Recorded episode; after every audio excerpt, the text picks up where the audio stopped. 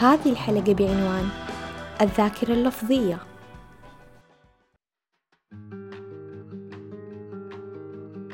الذاكرة واحدة من أهم أجزاء الوظائف العليا للدماغ.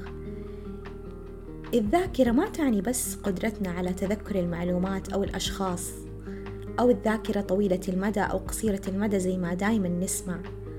الذاكرة مرتبطة كمان بحواسنا فعندنا ذاكرة بصرية وذاكرة سمعية وحسية وكمان ذاكرة لفظية إيش نعني بالذاكرة اللفظية؟ وإيش دورها في التطور اللغوي وقدرتنا على الكلام؟ ضيفة الحلقة الأخصائية ريم محمد صاحبة مركز Communication Unlocked في ولاية ماساتشوستس في الولايات المتحدة الأمريكية حاصل على درجة الماجستير في علوم اضطرابات التواصل من MGH Institute for Health Professions متخصصة في اضطرابات اللغة وعسر القراءة والكتابة ووظائف الدماغ التنفيذية. أهلا فيك يا ريم شرفتيني. أهلا بسمة شرف لي. آه حنتكلم إن شاء الله في حلقة اليوم عن الذاكرة العاملة اللفظية. طبعا لما نقول كلمة ذاكرة حيجي في بالنا أشياء مرة كثيرة. بس حلقة اليوم لها علاقة بذاكرة متعلقة باللغة. فنبى نعرف إيش هي الذاكرة العاملة اللفظية؟ الحين الذاكرة العاملة بشكل عام هي واحدة من أهم وظائف الدماغ التنفيذية اللي من ضمنها الوظائف هذه يكون من ضمنها الانتباه والتنظيم والتخطيط. مهمة هذه الذاكرة حفظ المعلومات في الذاكرة قصيرة المدى لغرض إني أنا أعمل شيء بالمعلومة عشان كذا اسمها الذاكرة العاملة إني أنا لازم أعمل شيء بالمعلومة اللي أتذكرها سواء كان تحليل إجابة تنفيذ طلب استنتاج يعني مثلا مثال لما أحد يقول لي روح يجيب موية عشان أنا أقدر أنفذ هالطلب لازم أخزن المعلومة في ذاكرتي قصيرة المدى وبنفس الوقت أعمل شيء بالمعلومة. وفي دي الحالة إني أروح أجيب موية. طب إيش الفرق؟ أنت ذكرتي دوبك إنه لها علاقة كمان بالذاكرة القصيرة المدى بس إيش الفرق بينها وبين الذاكرة قصيرة المدى الذاكرة طويلة المدى؟ صحيح. الذاكرة العاملة اللفظية هي نوع من أنواع الذاكرة قصيرة المدى.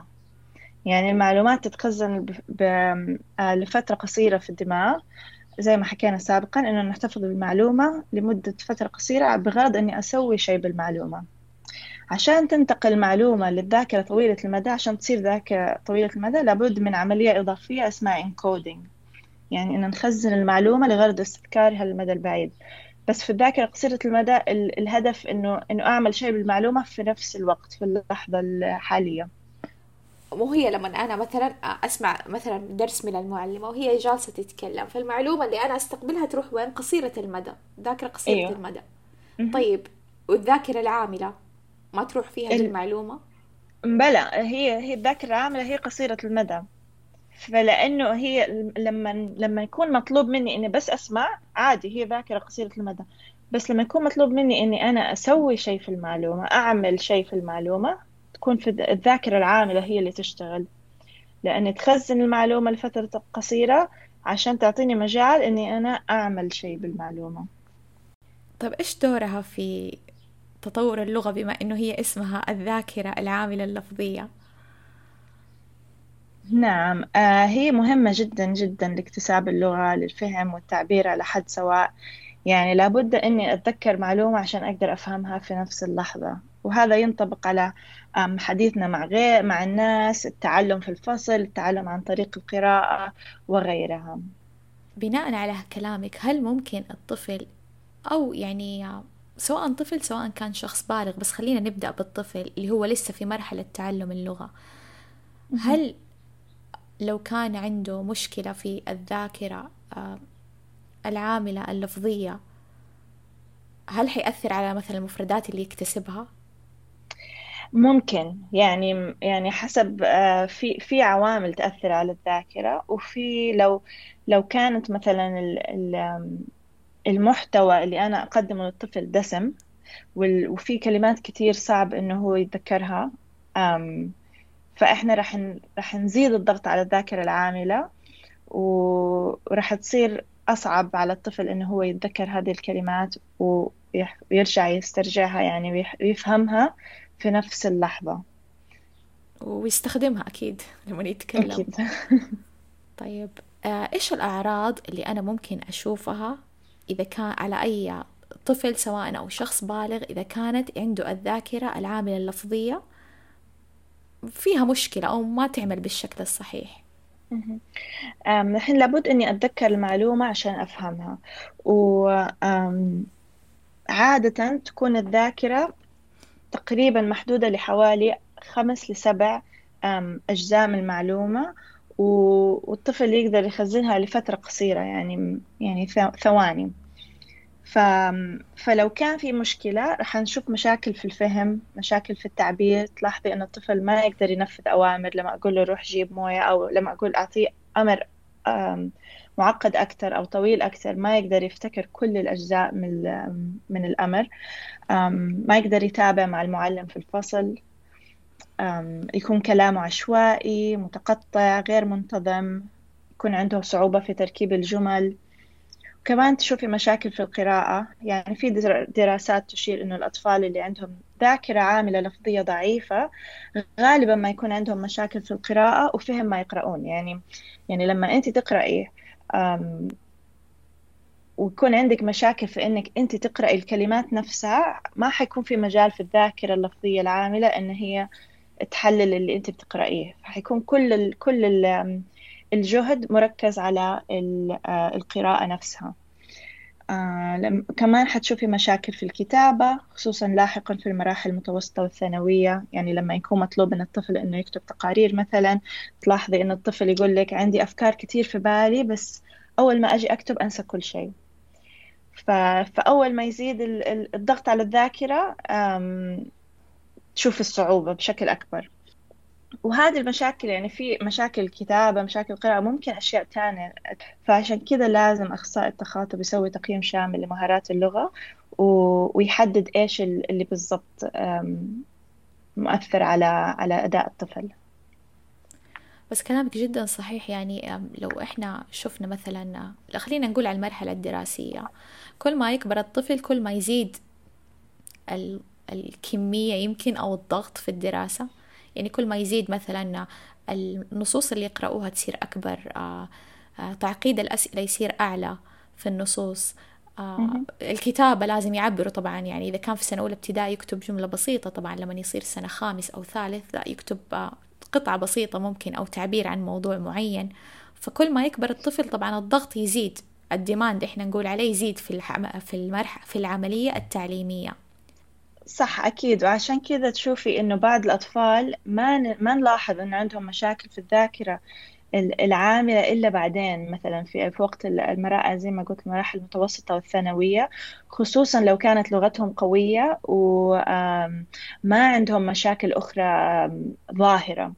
فتشوفي لما لما يضطر ياخذ مثلا يكتب ملاحظات في الفصل ما يقدر يلحق ما يقدر يفتكر إيش قالت المعلم مثلا إيش قال المعلم في في المحاضرة تلاحظي انه إنه لما لما يزيد الديماند زي ما قلتي لما يزيد الضغط على الذاكرة هنا نشوف المشكلة طب هل في حالات أو اضطرابات آه، معينة يرتبط فيها وجود مشكلة في الذاكرة آه، العاملة اللفظية؟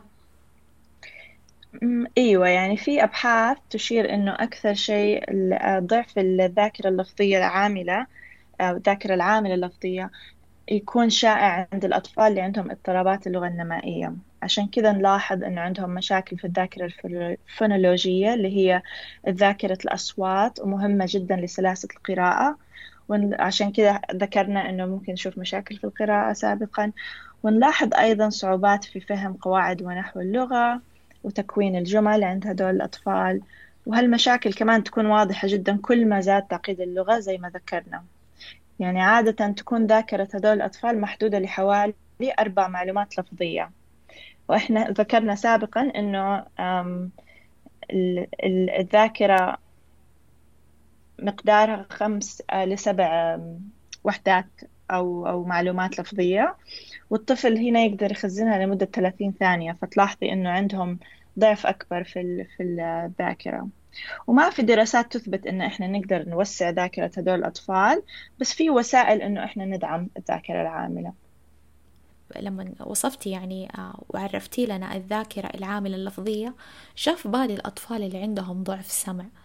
الأطفال اللي عندهم ضعف السمع غالبا ما يواجهوا مشكلة آه، في الفهم السمعي. يعني لما تتطور اللغة ويكتسبوا مفردات وحتى لو صار تعبيرهم ممتاز من أكثر المشاكل اللي يواجهوها الفهم السمعي وخاصة في مرحلة المدرسة أكيد. فهل هذا ممكن يكون له علاقة؟ إحنا طبعا عارفين إنه المدخل السمعي إحنا عارفين طبعا إنه المدخل السمعي في خلل عند هذول الأطفال وتم التدخل طبعا سواء التدخل الطبي أو التأهيلي. بس هل له علاقة ممكن أو تأثير على الذاكرة العاملة اللفظية؟ إيوه ممكن. يعني في كثير آه، عوامل تأثر على وظيفة هذه الذاكرة. ومن ضمنها إنه قد إيش الجهد اللي أنا آه، أبذله عشان أستذكر أو أحفظ أو أو أتذكر المعلومة. يعني هذول الأطفال تلاحظي إنه عندهم يعني إحنا لما لما أنت سألتيني أنا ما ما عانيت إني أنا أحاول أسمع أنت إيش قلتي لأنه سمعي كويس. هدول الأطفال يعني يواجهوا صعوبة ويبذلوا جهد في إنهم يسمعوا المعلومة ويستذكروها ويخزنوها في ذاكرتهم قصيرة المدى. فما يصير في مجال في الدماغ إنه هم يحللوا يفهموا يخزنوا المعلومة. ف فممكن أيوة تلاحظي إنه هدول الأطفال عندهم ذاكرة لفظية ضعيفة. طيب إيش ممكن نسوي عشان نقدر نساعد أي شخص؟ يكون عنده مشكلة في الذاكرة العاملة اللفظية حتى سواء كان شخص كبير فهو عارف إنه عنده هذه المشكلة وواعي فيها أو شخص صغير يعني اللي حواليه ممكن يدعموه بشكل أكبر. صح. ما في طريقة واحدة يعني لدعم الذاكرة ممكن نعملها على ج... نعممها على جميع الحالات؟ مهم إن نفهم إنه كل حالة وكل ظرف يختلف. عشان كذا مهم إنه الأهل يستشيروا أخصائي التخاطب في وضع طفلهم الخاص أو أو الشخص البالغ. بس في إرشادات عامة ممكن أنصح بها لدعم الذاكرة العاملة اللفظية زي ما قلنا ما نقدر نوسع هذه الذاكرة ولكن نقدر ندعمها بوسائل دعم. وأول هذه الوسائل إنه كل ما الطفل تعلم المهارة اللغوية بطلاقة كل ما خففنا الضغط على الذاكرة العاملة. مثال عندك عسر القراءة. لو اشتغلنا مزبوط على إنه الطفل يقرأ بسلاسة وطلاقة حتنتقل المهارة للذاكرة طويلة المدى. وبالتالي يصير سهل تذكرها ويصير في مجال في الذاكرة العاملة إن هي تحلل وتفهم إيش تفهم المعلومة. ذكرتيني يا ريم بمثال لما الآن مرات تلاقي مرات مثلا في الإنترنت ولا في أي مكان يجيبوا لك مثلا زي الكلمات وبدايتها ونهايتها صحيحة بس من جوا ملخبطة أو معكوسة. فتخيلي إنه إحنا لما نقرأها ما ننتبه نقرأها صحيحة. لأنه عملية القراءة خلاص صارت مرة عملية تلقائية آه ما نتهجى يعني ما نبذل جهد صرنا إحنا في إنه إحنا نقول حرف حرف أو كلمة كلمة. فهنا يعتبر جهد يعتبر جهد أقل جدا.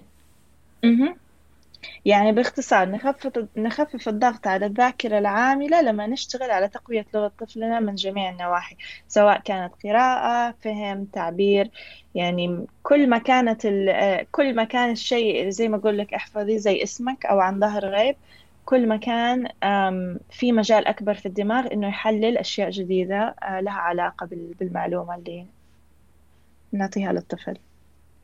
وتاني شيء عندنا استخدام المعززات البصرية. زي ما أقول لك make the invisible visible. بمعنى أنه الصور والجداول البصرية والرسومات وحتى أنه نوفر خيارات مكتوبة للطفل في وقت الاختبارات مثلا يمسك اللغة من إنها تطير من ذاكرة الطفل.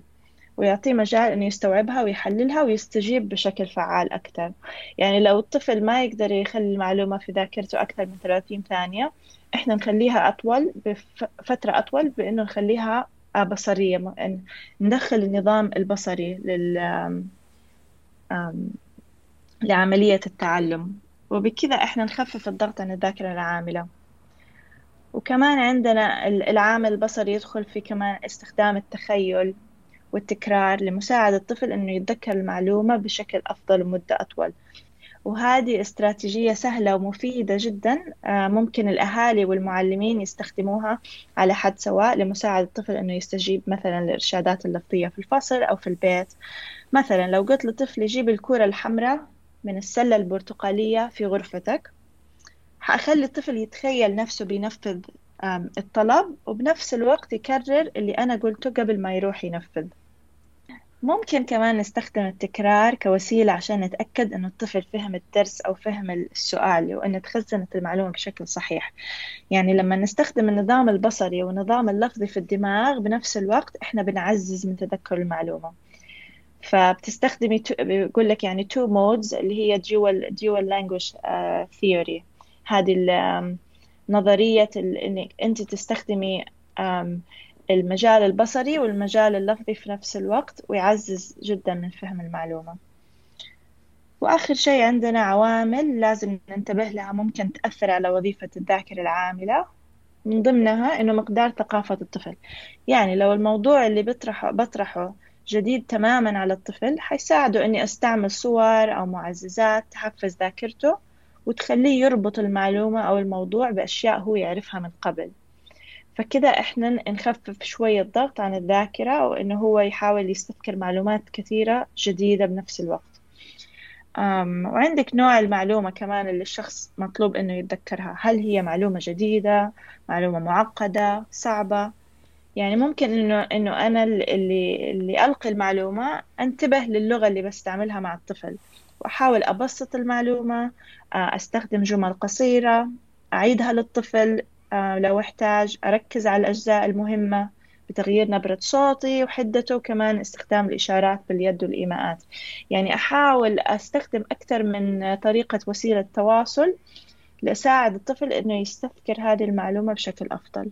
وفي كمان أهم شيء البيئة المحيطة. يعني كل ما كان مطلوب مني أحلل وأستنتج وأنتبه كل ما زاد الضغط على الذاكرة العاملة وكل ما كان مهم إني أطرح المعلومة في بيئة هادئة وقليلة المشتتات. أيوة في تقليل المشتتات مرة مهم.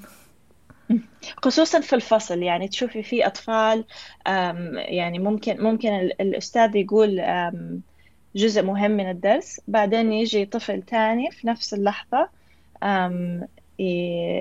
يسوي يسوي إزعاج أو يسوي صوت ف...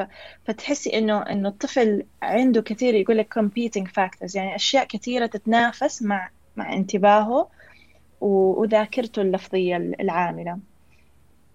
فعشان كده خصوصا في الفصل يعني المعلمين يعني مرة مهم إنه هم يستخدموا آه، معززات بصرية يربطوها مع المادة اللفظية اللي بيلقوها في الفصل. مرة شكرا لك يا ريم. آه في أي معلومة أخيرة حابة تختمي فيها أو رسالة أخيرة؟ بس حابة أقول لل... لل... للأهالي والمعلمين اللي عندهم أطفال عندهم ضعف في ذاكرة آه، الذاكرة العاملة اللفظية إنه كونوا صبورين مع الطفل. يعني حتى لو قال لك إيش إيش؟ وقال كثير عادي. يعني أنتوا اتذكروا إنه هذا الطفل بيبذل جهد كبير عشان يتعلم المعلومة. فكونوا صبورين معاه عيدوا اللي بتقولوا آه، عيدوه بطريقة أسهل آه، وضحوا اللي بتقولوا استخدموا صور. فبس يعني كونوا صبورين و... ويعني هدول الأطفال غالبا عندهم مهارات كثير ولما كل ما استخدمنا معززات أكثر كل ما ظهرت هذه المهارات واستعملوها بشكل أفضل.